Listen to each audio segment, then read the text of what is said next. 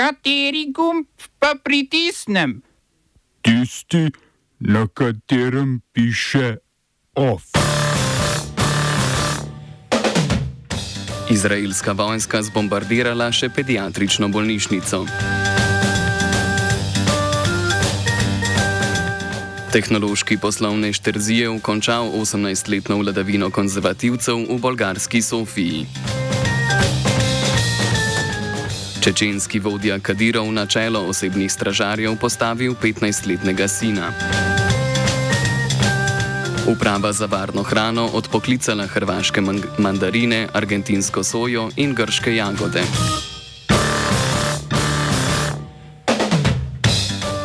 Dobr dan, poslušate poročila na Radiu Student. Izraelska vojska je v zračnih napadih na Gazo zadela Center za mentalno zdravje, očesno kliniko in oddelek pediatrične bolnišnice, kjer zdravijo otroke z rakom, je sporočilo zdravstveno ministrstvo v Gazi. Konec tedna je izraelska vojska zbombardirala tri begunska taborišča: Al-Magazi, Burič in Džabalija. Prvi dve taborišči sta v centralnem območju Gaze in južno od črte, kamor je izraelska vojska civilistom ukazala umik. Iz izraelske vojske so sporočili, da so območje Gaze že razdelili na južni in severni del. Tretjič so ljudje v Gazi tudi popolnoma izgubili dostop do telefonske in internetne povezave.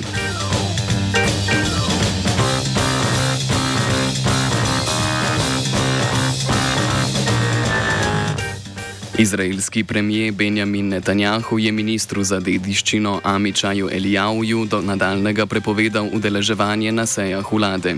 V intervjuju za ortodoksni judovski radio Kol Barama je Elijav izjavil, da je uporaba jedrskega orožja v Gazi ena izmed možnosti. Elijav kljub temu ostaja na položaju ministra. Sporočil je, da je bila njegova izjava mišljena metaforično. Izrael ni nikdar uradno priznal, da ima jedrsko orožje. YouTube.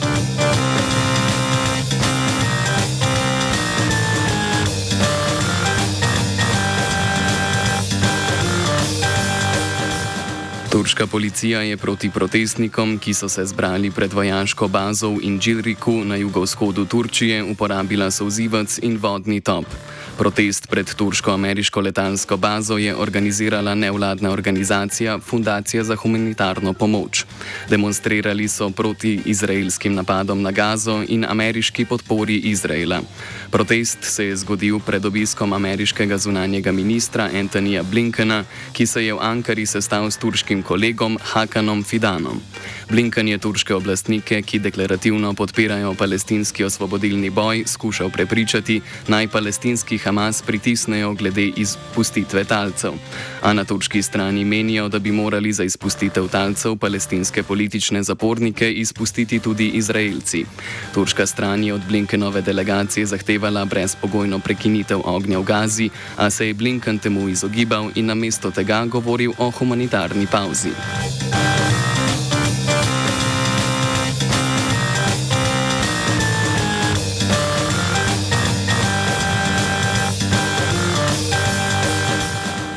Čečenski vodja Ramzan Kadirov je svojega 15-letnega sina Adama nastavil na čelo enote svojih stražarjev.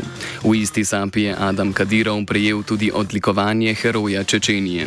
Kadirov je septembra objavil video svojega sina, ki je v enem, enem izmed čečenskih zaporov pretepal zapornika in ob tem izrazil ponos nad sinovimi dejanji. Adam je najmlajši izmed treh sinov vodje Čečenske republike, ki sodi pod okrilje Ruske federacije. Vsi so od leta 2016 tekmovali v mešanih borilnih veščinah. Doslej sinovom Kadirova noben sodnik ni prisodil poraza.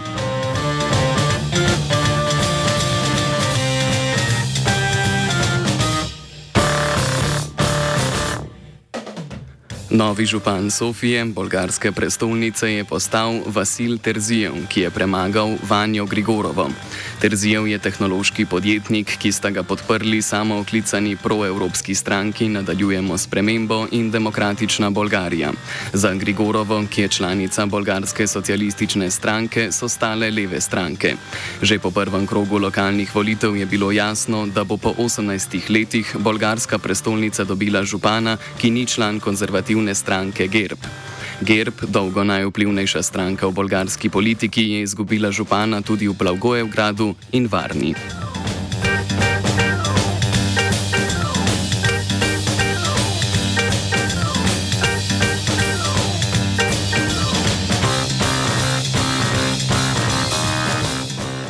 Italijansko telekomunikacijsko podjetje Telekom Italija je odobrilo prodajo svojega fiksnega omrežja zasebnemu ameriškemu skladu KKR za 19 milijard evrov. Prodajo telefonskega in internetnega omrežja bo podjetje zaključilo v prihodnjem letu, z dobičkom pa namerava zmanjšati svoj dolg za 14 milijard evrov. Prodajo podpira vlada premijejke Giorge Meloni, ki je prodajo opredelila za nacionalno strateško pomembno. Telekom Italija s prodajo fiksnega omrežja postaja prva večja evropska država, ki se odreka posrednemu nadzoru nad telekom telekomunikacijskim omrežjem.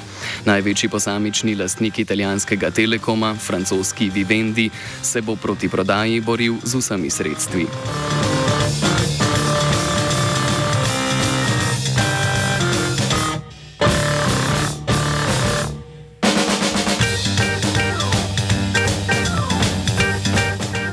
V nemški socialdemokratski stranki kanclerja Olafa Šolca so napovedali, da ne bodo nasprotovali predlogu koalicijskih liberalcev, po katerem bi prošnje za azil obravnavali v Afriki.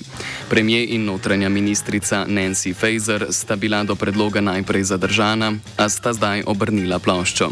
Gre za načrt, ki je podoben deportacijam prosilcev za azil iz Velike Britanije v Ruando, zaradi katerega je več migrantov tožilo britansko vlado.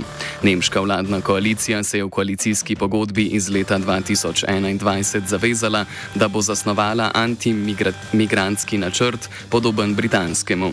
Že prejšnjo sredo je nemška vlada sprejela predlog zakonodaje, ki lajša deportacijo zavrnjenih prosilcev za azil.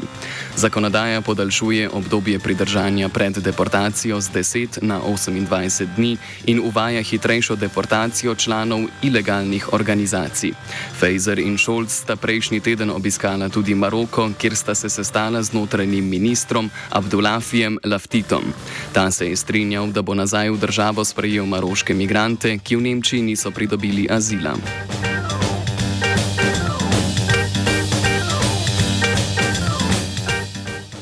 Nad britansko antimigrantsko politiko se navdušuje tudi Avstrija. Avstrijski notranji minister Gerhard Karner je z britansko kolegico Suelo Braverman podpisal sporazum o sodelovanju na področju migracij.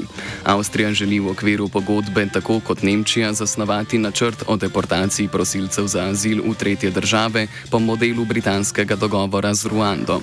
Avstrijski načrt se bo po napovedih od britanskega razlikoval v tem, da se bodo prosilci za azil v Avstriji Avstrijo lahko vrnili, če jim azil uspe pridobiti. Smo se osamosvojili, nismo se pa osvobodili. Naslednje število je še 500 projektov. Izpiljene modele, kako so se strani nekdanje LDS rotirali. Ko to dvoje zmešamo v pravilno zmes, dobimo zgodbo o uspehu. Takemu političnemu razvoju se reče udar. Jaz to vem, da je nezakonito, ampak kaj nam pa ostane? Brutalni obračun s politično korupcijo. To je Slovenija, tukaj je naša zemlja, to je Slovenija, Slovenija. Uprava za varno hrano je zaradi prisotnosti pesticida klorpirifos odpoklicala mandarine iz Hrvaške, zaradi visoke vrednosti pesticida je odpoklicala sojo iz Argentine, zaradi prevelike količine propamokarba pa še zamrznene jagode iz Grčije. Mandarine v poslovalnicah izvajalca Polavi Logistika iz Nove Gorice so bile v prometu od 26. do 30. oktobra, sojo iz Argentine je izvajalec plodovi prodajal na ljubljanski tržnici BT. BTC, zamrznjene grške jagode pa so bile na voljo v ljubljanskih mrekarnah. Uprava je potrošnike pozvala naj izdelke z nepretečenim rokom uporabe vrnejo na mesto nakupa.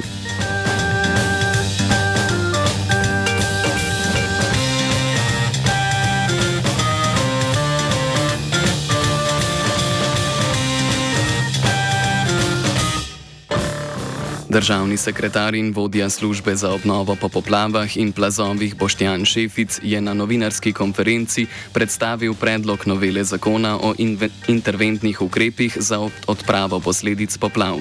V noveli je določeno predplačilo za obnovo poškodovanih objektov in nova gradnja za tiste, ki živijo na poškodovanih območjih, kamor se ne bo več možno vrniti. Več pove Šefic. In naslednji zelo pomemben uh, uh, ukrep, ki je predviden v tem v zakonu o spremembah in dopolnitvah tega interventnega zakona, pa so seveda nadomestitvene gradnje. Gre za uh, gradnje uh, v tistih primerih, ko je ocenjena visoka poplavna ogroženost erozija ali grožnja zemeljskih plazov, ki ogrožajo posamezne zgradbe ali celo naselja. Seveda bi bivanje v takšnih objektih pomenilo veliko neposredno nevarnost za bivanje ljudi, torej za njihovo osebno varnost in varnost njihovega premoženja. OF je pripravila Neva.